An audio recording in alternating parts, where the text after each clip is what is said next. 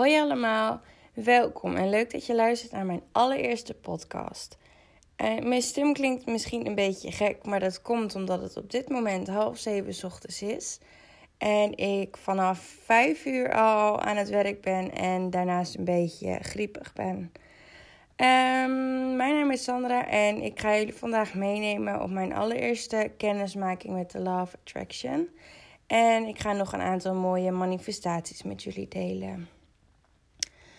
Uh, mijn allereerste kennismaking met de of Attraction was toen ik ongeveer een jaar of acht was.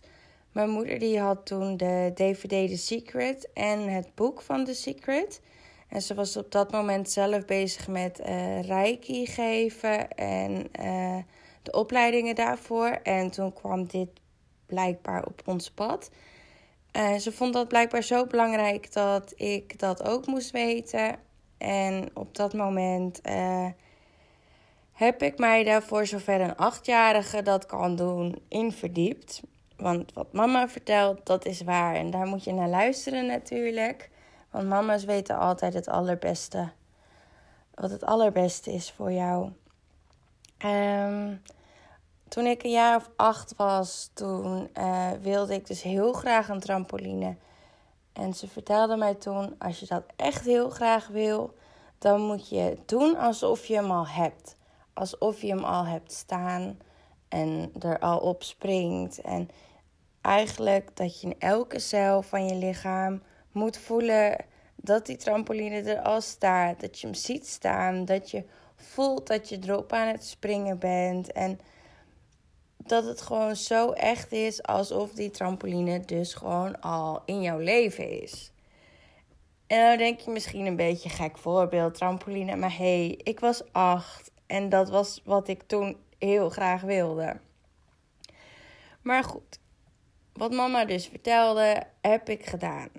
Ik heb dat gevoeld. Ik heb er elke dag aan gedacht. Ik heb me ingebeeld dat ik de trampoline had. Als ik tekende, tekende ik een trampoline, tekende ik mezelf op de trampoline.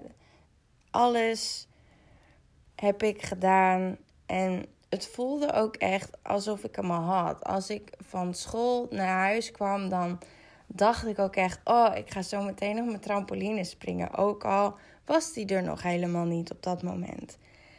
En na een paar weken was hij daar eindelijk. Mijn trampoline. Het was, ik weet nog precies hoe groot die was en hoe die eruit zag. En nou, sorry, lijken alle trampolines natuurlijk op elkaar. Maar hij was 3,66 meter en hij had zo'n blauwe band eromheen. En ik was helemaal in de wolken toen ik hem echt kreeg. En toen hij daar echt stond en helemaal van mij was. En nu kan je natuurlijk denken, ja, maar je ouders hebben je gewoon die trampoline gegeven omdat je alleen maar aan het zeuren was. Nee. Zo voelde ik dat in ieder geval toen niet en nu nog steeds niet. En je kan en mag dat natuurlijk denken, maar waarschijnlijk is dat dan ook je ego-mind die spreekt. Want ja, op dat moment voelde dat gewoon alsof mijn love attraction werkte. Dus voor mij is dat het allereerste moment en de allereerste echte kennismaking dat het werkt en dat het echt kan. En, maar we kennen dat allemaal wel. Hè? Dat je iets nieuws hebt ontdekt en je gaat er dan vol voor. Je bent super gemotiveerd. En ja, net als bijvoorbeeld naar de sportschool met z'n allen op 1 januari. We gaan er massaal heen. En dit jaar gaat het ons echt lukken. Zo is dat dus ook met de Law of Attraction op een gegeven moment is dat weer verwaterd in mijn leven. En ik was natuurlijk ook nog vrij klein. Dus het is niet zo gek dat het dan een beetje verwaarloosd wordt, als het ware. Maar soms zijn er gewoon dingen die constant terugkomen in je leven. En the love attraction is zoiets in mijn leven. Het komt elke keer weer terug. Of het nou allemaal super goed gaat in mijn leven, of helemaal niet. Meestal op de momenten dat je echt denkt van nou, dit is niks. Wat ben ik allemaal aan het doen? Ik maak er een potje van en alles zit me tegen. En niks gaat zoals ik wil dat het gaat, op die momenten komt het altijd weer terug. Of in de vorm van quotes, of in de vorm van bepaalde mensen die mijn pad kruisen. Elke keer word ik weer met mijn neus gewezen op de Love Attraction.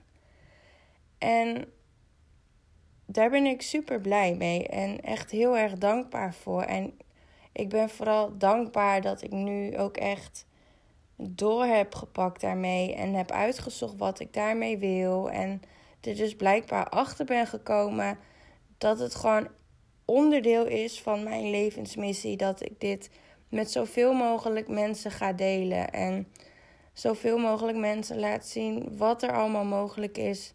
Zolang jij gelooft en vertrouwt op het universum. En op het moment dat jij iets heel graag wil, alles is mogelijk. Echt, alles is mogelijk.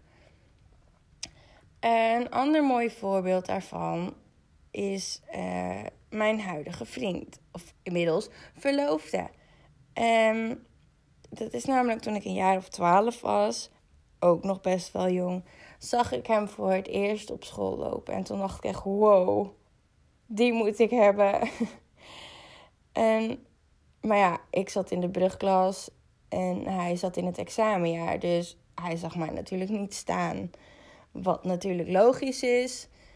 Want je bent natuurlijk veel te klein op dat moment. En jongens van een jaar of 16, die kijken niet naar meisjes van 12. Dat verschil is gewoon mega groot op dat moment. Maar op dat moment had ik ook een vriend. Vriendje. Vriend. Vriendje. Ja, vriendje. Dat is het op je twaalfde wel, toch? En um, dus ja, ik dacht, ik heb al een vriendje, ik ben verliefd, ik ben gek op hem. Dus ik laat het los, want hij is toch ook onbereikbaar. Het klinkt bijna een beetje als bij gebrek aan beter, maar dat is ook een beetje lullig. Dat was dus ook niet helemaal de situatie. En, uh, maar goed, ik ging verder met mijn leven en ik ging er maar gewoon vanuit dat het een bevlieging was. En het was gewoon een lekker ding. En dat was het daar hield het een beetje mee op. En, maar een aantal jaren later zag ik hem steeds weer. Want ja, hij woonde natuurlijk in dezelfde stad. Dus je kan bijna niet om elkaar heen. Dus elke keer als ik hem zag lopen of fietsen of op de scooter met zijn vrienden of weet ik veel, op wat voor manier ik hem ook zag. Mijn hart maakte een soort van sprongetje dat ik dacht, oeh, we kennen dat allemaal wel, toch? Een beetje dat puberachtige verliefde gedrag. Dat je hart zo'n sprongetje maakt en dat je vlinders in je buik krijgt. En nou, dat had ik dus elke keer als ik hem zag. En als ik met mijn vriendinnen was. Ik ging ook steeds gekke dingen doen als ik hem zag. Echt dat ik dacht, oh mens, doe even normaal. Je zet jezelf echt voor schut zo. Maar goed, dat doen we allemaal. Hebben we waarschijnlijk allemaal wel gedaan toen we aan het puberen waren. En eh, nou ja, jaren later was ik dus nog steeds met dat vriendje waar ik al vanaf mijn twaalfde mee was. Nou, dat liep op een gegeven moment stuk. En opeens kwam Maurice weer op mijn pad. En dat was via een gemeenschappelijke vriend. Die vertelde over hem. We kwamen hem tegen. Toen dacht ik, huh, Maurice? Maurice met de mooie ogen. Toen ben ik hem gelijk op gaan zoeken op Facebook natuurlijk. Want ik moest natuurlijk wel even checken of dat de goede was. En dat was hem gewoon. En toen dacht ik echt, wow, what's meant to be will always find its way. En volgens mij is dit het moment. Maar goed, vanaf dat moment ben ik dus eigenlijk ook uh, alleen maar gaan denken aan hem en aan ons. En dat het ooit op een dag mijn vriend zou worden. Daar was ik heilig van overtuigd. Ik denk, nu ben ik veel ouder. Toen was ik 19. En dan is dat leeftijdsverschil veel minder groot van vijf jaar ineens. Dus ik dacht, dit is het moment. Dit is het moment. Het had zo moeten zijn. Het universum brengt ons nu op de een of andere bizarre manier bij elkaar. En nou ja, een paar maanden later kreeg ik dus een berichtje van hem. Dus ik was helemaal in mijn nopjes natuurlijk. En ik ging weer allemaal gekke puberdingen doen op mijn negentiende. Terwijl dat helemaal niet meer hoort op die leeftijd. Maar dat is wat verliefdheid met je doet, denk ik. En um, ja, toen kregen we dus contact met elkaar. En eigenlijk zijn we sindsdien uh, samen. We zijn nu vijf jaar samen. En uh, ik was er heilig van overtuigd dat we gingen slash gaan trouwen. En we zijn dus sinds eind mei verloofd. Dus we gaan ook echt trouwen. En ja, ik denk dat dat wel mijn mooiste voorbeeld is van de law of attraction en hoe het universum werkt. Ik geloof heilig dat alles in ons leven gebeurt met een reden. Van grote dingen tot kleine dingen, van mooie dingen tot lelijke dingen, van moeilijke momenten tot juist hele mooie momenten. Ik geloof echt dat alles gebeurt met een reden. Er zit eigenlijk altijd wel een les in verwerkt. En dat heeft mij de laatste jaren ook wel heel erg geholpen met uh, dingen verwerken en dingen een plekje geven. Want we kunnen uit alles wat er gebeurt in ons leven iets leren. En ja, er iets positiefs uithalen. Hoe slecht of negatief de situatie ook is, er is altijd wel weer een mooie boodschap die je daaruit kunt halen. En zo heb ik uh, in het afgelopen jaar in een vrij korte tijd twee miskramen gehad. En uh, dat is natuurlijk super verdrietig. En dat ben ik ook echt geweest in het begin. Maar de laatste maanden ben ik weer heel erg bezig. Dus met eigenlijk alles onderzoeken. Zoals ik eigenlijk mijn hele leven al heb gedaan.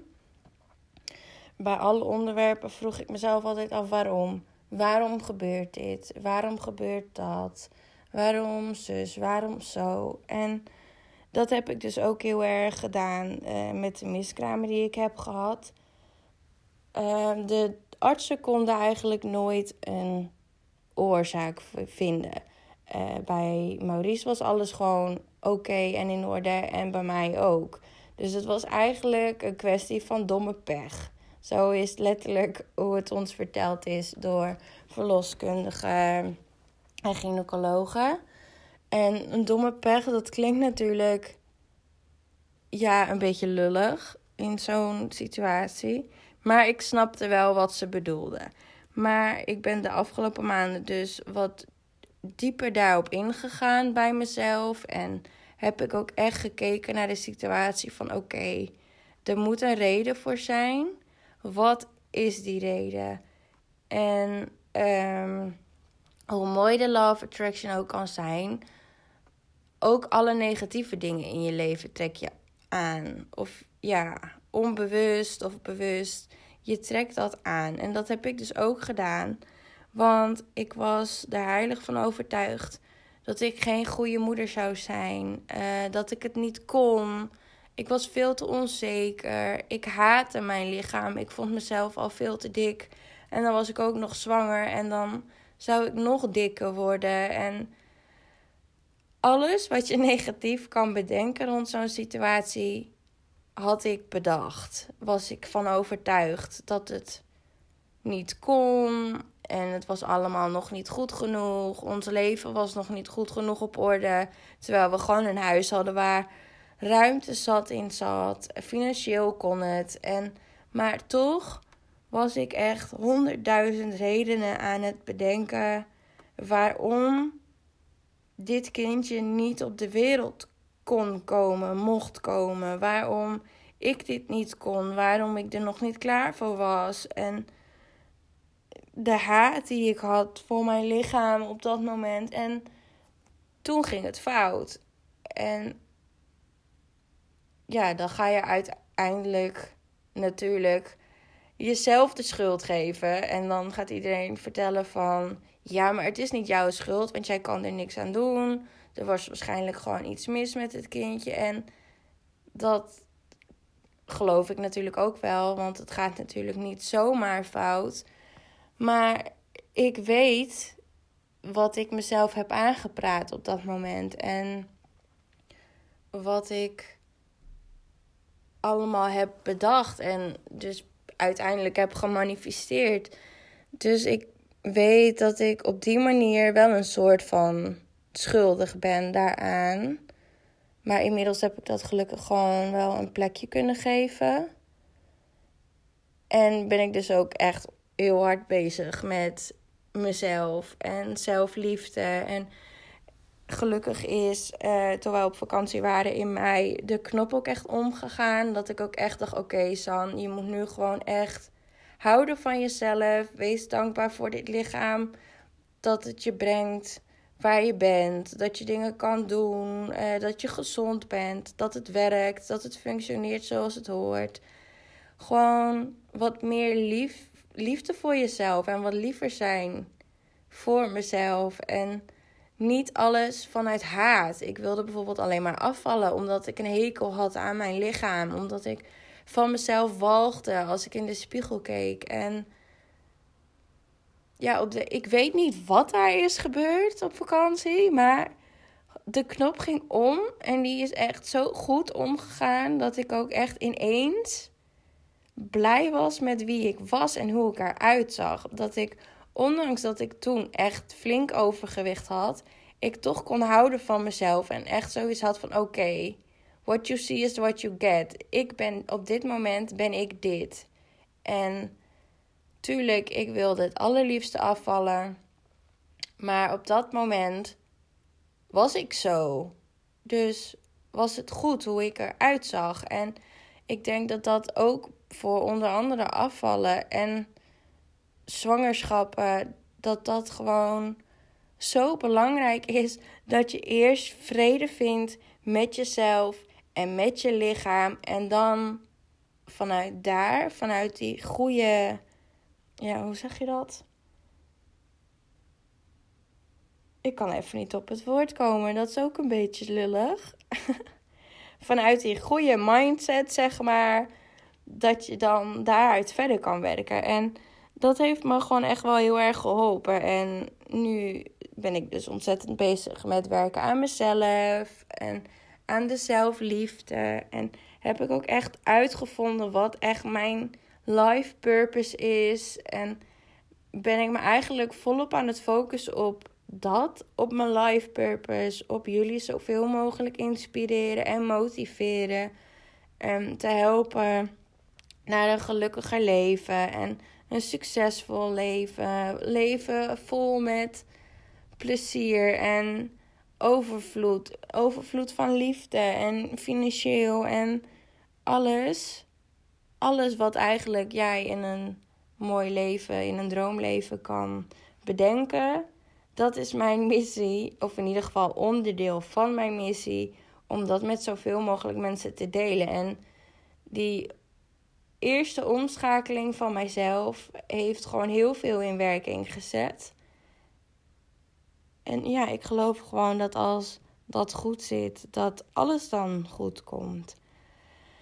Kortom, om een heel lang verhaal iets korter te maken, de Law of Attraction is eigenlijk een soort van toveren. Ja, een beetje magie is het. Dus op het moment dat je leert vertrouwen op het universum en op jezelf. Want jij zelf weet altijd het beste antwoord voor jezelf.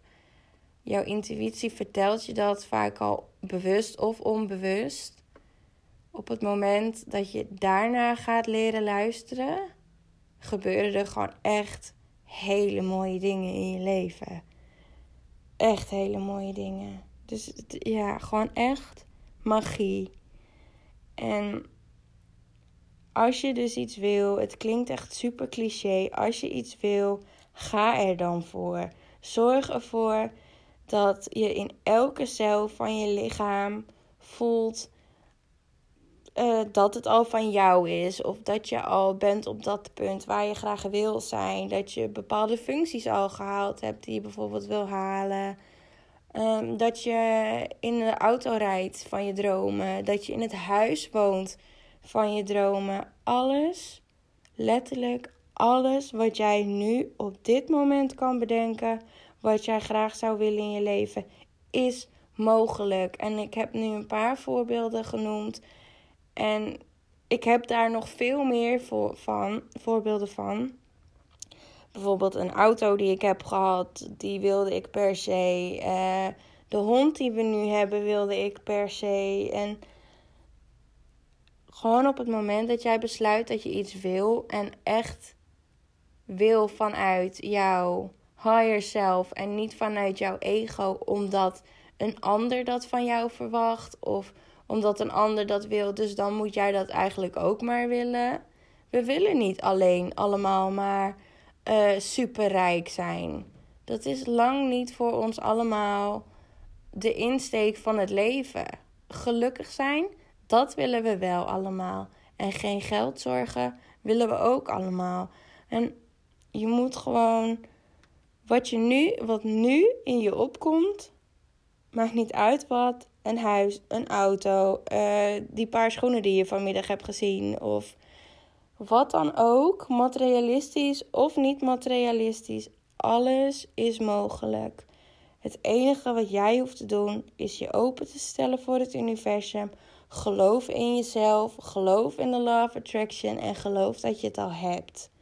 En dan komt alles goed.